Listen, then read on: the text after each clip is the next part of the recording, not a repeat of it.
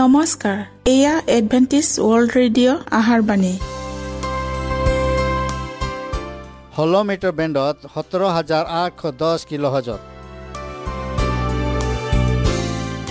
Adventist world radio যোগে অসমীয়া ভাষাত প্ৰচাৰিত আহাৰ বাণী প্ৰত্যেক বুধবাৰ আৰু দেওবাৰ সন্ধিয়া সাত বজাত আহাৰ বাণী শুনাৰ পিছত আপোনালোকৰ কিবা মন্তব্য আৰু প্ৰশ্ন থাকিলে আমালৈ এই ঠিকনাত লিখক। আমাৰ ঠিকনাটি হৈছে Adventist world radio' seven day Adventist মণ্ডলী অসম শাখা লতাকাটা বশিষ্ট গুৱাহাটী সাত আঠ এক শূন্য দুই ন।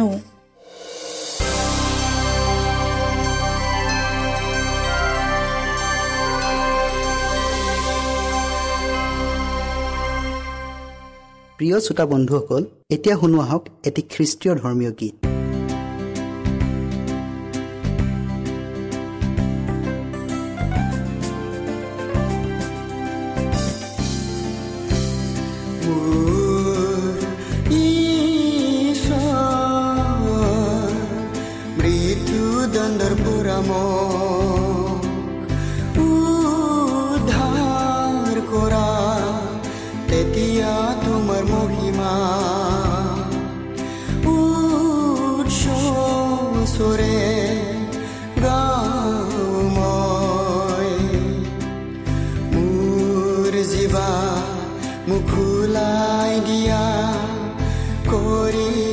কৰিম প্ৰচাৰ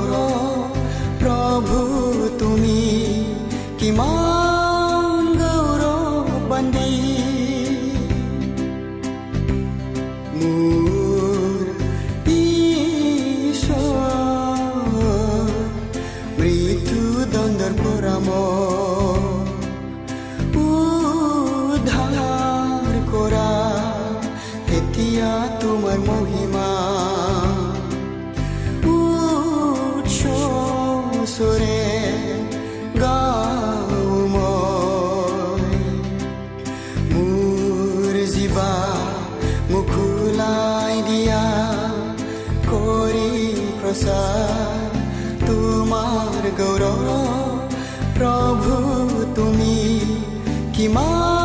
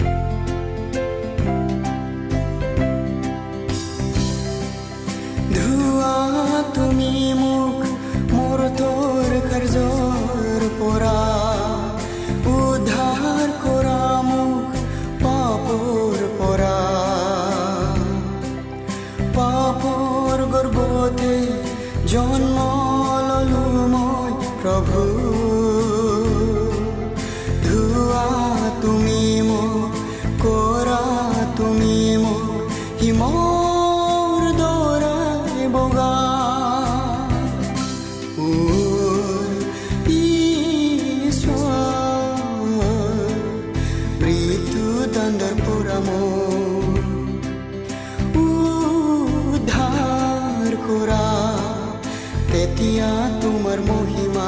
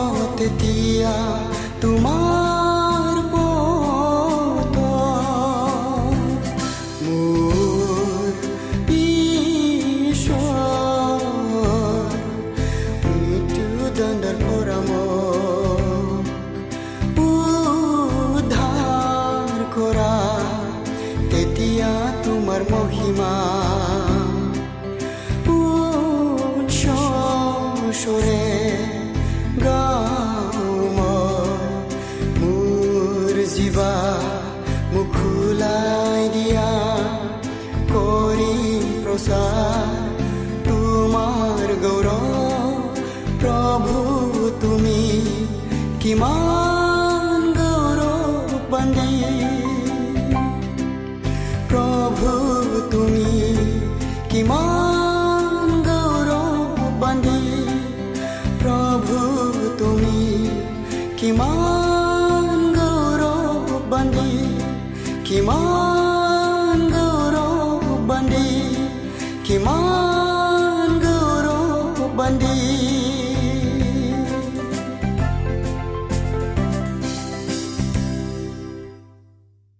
প্ৰিয় শ্ৰোতা বন্ধুসকল আহক আমি খন্তেক সময় বাইবেল অধ্যয়ন কৰোঁ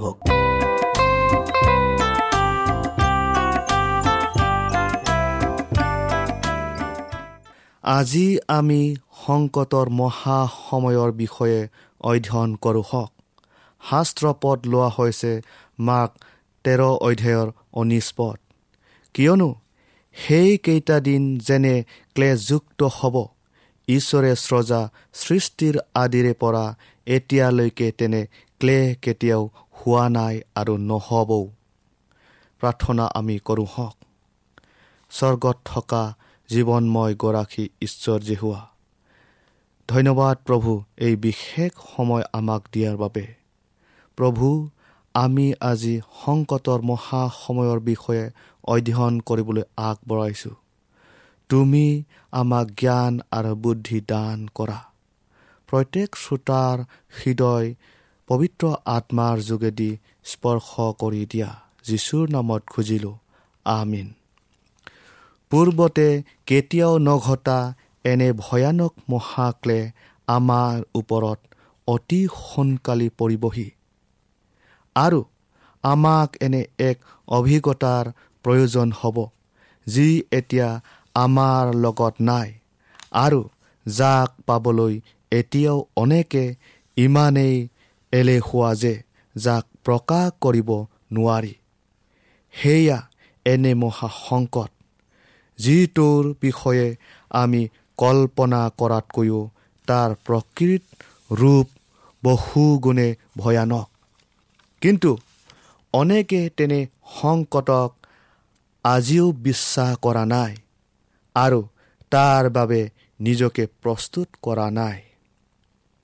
সেই অগ্নি পৰীক্ষাৰ বিষয়ে অতি উচ্চ পৰ্যায়ৰ ব্যাখ্যাও সম্পূৰ্ণ চিত্ৰ দাঙি ধৰিব নোৱাৰে। আৰু এতিয়া আমাৰ একমাত্ৰ ত্ৰাণকৰ্তাজনাই যেতিয়া আমাৰ পাপ প্ৰায়শ্চিত্তৰ বাবে কাম কৰি আছে এই সময়তে আমি খ্ৰীষ্টত এক সম্পূৰ্ণ চৰিত্ৰ অৰ্থাৎ সিদ্ধ পুৰুষ হ'বলৈ প্ৰয়াস কৰাটো উচিত। ঈশ্বৰে আমালৈ আগবঢ়োৱা এনে সুন্দৰ সুযোগ আমাৰ বাবে বিদ্যালয় স্বৰূপ য'ত আমি যীশুখ্ৰীষ্টৰ নম্ৰতা আৰু বিনয়ী স্বভাৱৰ বিষয়ে শিকিব পাৰোঁ। প্ৰভুৱে আমাৰ বাবে সদায় এনে ব্যৱস্থা আমাৰ সন্মুখত ৰাখিছে যাতে আমি সহজে লাভ কৰিব পৰা খন্তেকীয়া সুখ আনন্দৰ পথ বাছি নলওঁ। কিন্তু জীৱনৰ প্ৰকৃত লক্ষ্যত যেন আমি বাছি লওঁ। যদি কোনোবাই এই কাৰ্যক নালাগে বুলি অৱজ্ঞা কৰে নাইবা নকৰাকৈ পেলাই থয়। তেওঁবিলাকে নিজৰ জীৱনটোক আটাইত ভয়ানক সৰ্বনাশৰ কবলত ৰাখিছে। পাচনি জহনে দৰ্শনত আকাশত চিঞৰি চিঞৰি কোৱা বৰ মাত শুনিবলৈ পাইছিল। হে পৃথিৱী আৰু সমুদ্ৰ নিবাসীবিলাক তোমালোকৰ সন্তাপ হ'ব। কিয়নো ছয়তান তোমালোকৰ তালৈ নামি গ'ল। আৰু তাৰ কাল অলপ দেখি সি অতি ক্ৰোধ হৈছে। আকাশৰ পৰা অহা এনে মাত আৰু সেই মাতেৰে বৰ্ণনা কৰা যি দৃশ্য সেয়া সঁচাকৈয়ে অতি ভয়ানক। ছয়তানৰ সময় কম হোৱা দেখি তাৰ খঙো দুগুণে বৃদ্ধি পাইছে। আৰু তাৰ প্ৰতাৰণামূলক আৰু ধ্বংসাত্মক কাৰ্যবোৰ সেই মহাসংকটৰ সময়ত চৰম সীমা পাবগৈ। ঈশ্বৰৰ দীৰ্ঘকালীন সহিষ্ণুতাৰ অন্ত পৰিব। পৃথিৱীবাসীয়ে তেওঁৰ কৃপাক প্ৰত্যাখ্যান কৰিলে তেওঁৰ প্ৰেমক অৱজ্ঞা কৰিলে আৰু তেওঁৰ বিধানক ভৰিৰে গচকি অশ্ৰদ্ধা কৰিলে। দুষ্টবিলাকে সিহঁতৰ অনুগ্ৰহৰ সীমা চেৰাই গ'ল আৰু ঈশ্বৰেও সিহঁতৰ ওপৰত থকা তেওঁৰ সুৰক্ষাৰ কবচবোৰক গুচাই পেলালে আৰু সিহঁতক সিহঁতে আপোন মনে মনোনীত কৰি লোৱা চলাওঁতাজনৰ পাছে পাছে যাবলৈ এৰি দিলে। যিবিলাকে নিজকে ছয়তানৰ নিয়ন্ত্ৰণত সোধাই দিলে সিহঁতৰ ওপৰত ক্ষমতা চলাবলৈ ছয়তানে শক্তি পাব আৰু সি এনে লোকসকলক একত্ৰিত কৰি পৃথিৱীত এক মহা আৰু অন্তিম সংকট সৃষ্টি কৰিবলৈ অভিসন্ধি ৰচনা কৰিব। যেতিয়া ঈশ্বৰৰ দূতগণে মানুহৰ ভয়ানক অধৈৰ্যতাৰ আৰু অভিলাষৰ বতাহৰ বানবোৰ মুকলি কৰি দিব। তেতিয়া সংঘৰ্ষ আৰু সংঘাতৰ প্ৰতিটো উপাদান মুক্ত হৈ পৰিব। তেতিয়া প্ৰাচীন জেৰুচালেম ধ্বংস হোৱা দৃশ্যতকৈ বহুগুণে অধিক ভয়াৱহতাৰ কাৰ্যত সমুদায় জগতে অংশগ্ৰহণ কৰিব। এই মহাসংকটৰ মাজত যি সংকট পৃথিৱীৰ দেশসমূহত আজি কোপতি হোৱা নাই এনে মহাসংকটতো তেওঁৰ মনোনীত লোকসকলে দৃঢ়কৈ থিয় হৈ থাকিব। ছয়তান আৰু তাৰ সমগ্ৰ বাহিনী একেলগে লগ হৈও ঈশ্বৰৰ সন্তসকলৰ মাজত আটাইতকৈ দুৰ্বলজনকো বিধ্বস্ত কৰিব নোৱাৰিব। প্ৰকাশিত বাক্য তিনি অধ্যায়ৰ দহ পদটো আমি আকৌ পঢ়োঁ হওক। তুমি মোৰ ধৈৰ্যৰ কথা পালন কৰাত যি পৰীক্ষাৰ কাল পৃথিৱী নিবাসীবিলাকক পৰীক্ষা কৰিবৰ কাৰণে গোটেই জগতৰ ওপৰলৈ আহিবলৈ উদ্যত আছে সেই কালৰ পৰা ময়ো তোমাক ৰক্ষা কৰিম। প্ৰভু যীশুখ্ৰীষ্টৰ দ্বিতীয় আগমনৰ দিন চমু চাপি অহাৰ লগে লগে ছয়তানৰ অনুচৰসকলেও হাতে কামে লাগি গৈছে। ছয়তানে কেৱল মানুহৰ ৰূপতে নোলাব কিন্তু সি যীশুখ্ৰীষ্টৰ ছত্মবেশতো ওলাব। আৰু পৃথিৱীৰ যিসকলে সত্যতাক গ্ৰহণ নকৰিলে তেওঁবিলাকে তাকেই প্ৰভুৰো প্ৰভু আৰু ৰজাৰো ৰজা বুলি গ্ৰহণ কৰিব। ছয়তানে নিজৰ সময় কম হোৱা দেখি তাৰ খং দুগুণে বৃদ্ধি পাইছে আৰু তাৰ প্ৰতাৰণামূলক আৰু ধ্বংসাত্মক কাৰ্যবোৰ সেই সংকটৰ কালত চৰম সীমা পাবগৈ। প্ৰতাৰণামূলক মহানাটকৰ শেষ দৃশ্যত ছয়তানে নিজকে কৃষ্টৰ বেশত সজাই ল'ব। ত্ৰাণকৰ্তাৰ দ্বিতীয় আগমন অপেক্ষা কৰি কৰি বহুতো মণ্ডলী ভাগৰি পৰিব আৰু সিহঁতৰ আশাও ক্ষীণ হৈ যাব। ঠিক তেনে সময়তে মহাপ্ৰতাৰকজনে কৃষ্ট আহিল বুলি কৃষ্টৰ ছদ্মবেশত সিহঁতৰ আগত দেখা দিব। পৃথিৱীৰ বিভিন্ন ঠাইত প্ৰকাশিত বাক্যত জোখনৰ দ্বাৰা ঈশ্বৰৰ পুত্ৰ জনাৰ বিৱৰণ দিয়াৰ দৰে এজন মহান উজ্জ্বল ৰূপ ধাৰণ কৰি ছয়তানে মানুহৰ আগত নিজকে দেখা দিব।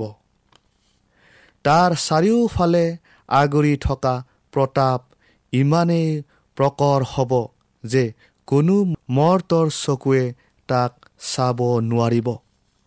বিজয়ৰ মহাধনী বতাহত বাজি উঠিব। কৃষ্ট আহিল কৃষ্ট আহিল এই বুলি। মানুহবোৰে তাক আদৰিবলৈ তাৰ সন্মুখত উপস্থিত হ'ব। আৰু যীশুখ্ৰীষ্টই পৃথিৱীত থকা সময়ত হাত দাঙি শিষ্যসকলক আশীৰ্বাদ কৰাৰ দৰে সিও লোকসকলৰ ওপৰত নিজৰ হাত দাঙি আশীৰ্বাদ কৰিব। তাৰ মাত কোমল আৰু নৰম তথাপি সুৰযুক্ত হ'ব। অতি ভদ্ৰতা আৰু প্ৰেমৰ সুৰত কৃষ্টই কোৱা কিছুমান অতি সত্য আৰু একে বাক্যকে সি আওৰাব। সি নৰিয়াবোৰকো সুস্থ কৰিব আৰু তাৰ পাছত কৃষ্টৰ বেশত থাকিয়ে বিশ্ৰাম দিনটোক আন দিনলৈ সলনি কৰা হ'ল বুলি সি ঘোষণা কৰিব। আৰু সেই দিনটোক পবিত্ৰভাৱে পালন কৰিবলৈ আদেশ দিব। যাক সি আশীৰ্বাদ কৰিলে। সি ঘোষণা কৰিব যে সি আৰু তাৰ দূতসকলে পোহৰ দিয়াৰ পাছতো আৰু সত্য বাক্য কোৱা স্বত্তেও যিসকলে বিশ্ৰাম দিনটোক পবিত্ৰভাৱে পালন কৰে তেওঁবিলাকে তাৰ নাম নিন্দা কৰিছে। এয়া এক অতি শক্তিশালী আৰু প্ৰায় সকলোকে পতিয়ন নিয়াব পাৰা প্ৰতাৰণা। প্ৰিয় শ্ৰোতা বন্ধুসকল এয়া সেই চমৰীয়া চিমন মাগছৰ দ্বাৰা সম্পাদিত প্ৰতাৰণা লেখীয়া হ'ব যাক সৰুৰ পৰা বৰলৈকে সকলোৱে বিশ্বাস কৰিছিল মনোযোগ দিছিল আৰু এইদৰে কৈছিল এয়া ঈশ্বৰৰ মহান শক্তি। প্ৰিয় শ্ৰোতাসকল কিন্তু ঈশ্বৰৰ লোকসকলক ভুল পথত পৰিচালিত কৰিব নোৱাৰিব। এই মিছা কৃষ্টজনৰ শিক্ষা বৰ শাস্ত্ৰসন্মত নহয়। কৃষ্টই আপোনালোকক আশীৰ্বাদ কৰক।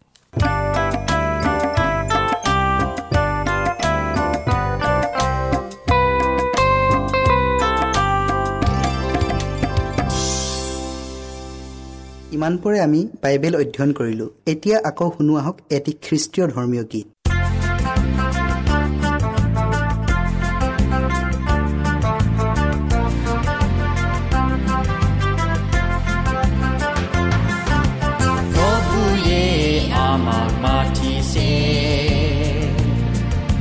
মৰমেৰে চাই আছে।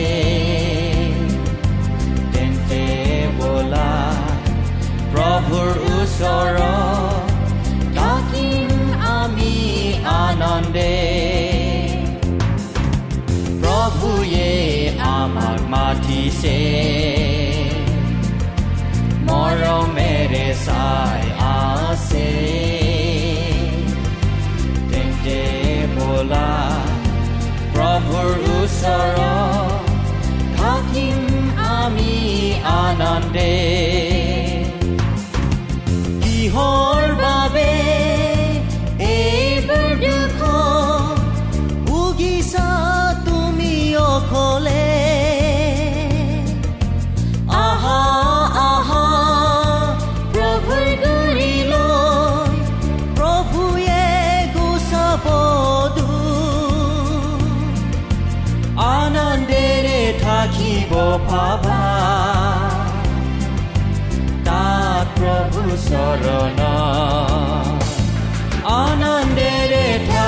পাবা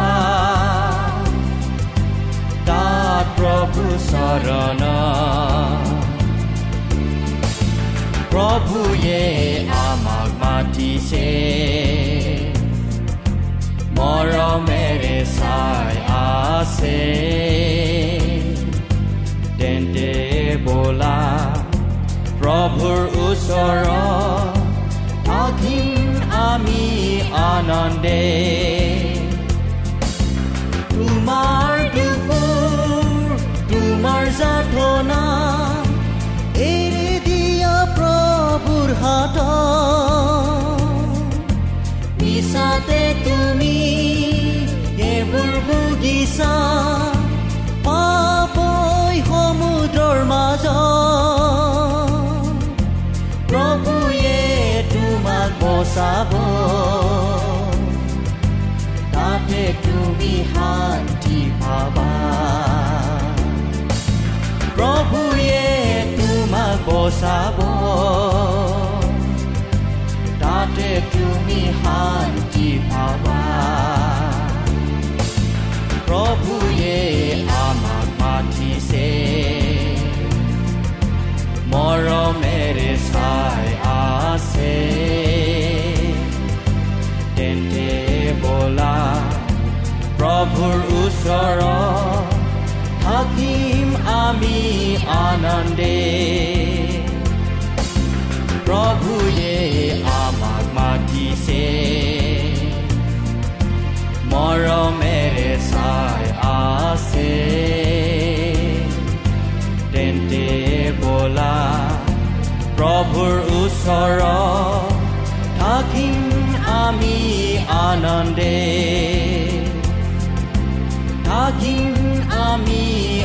আনন্দে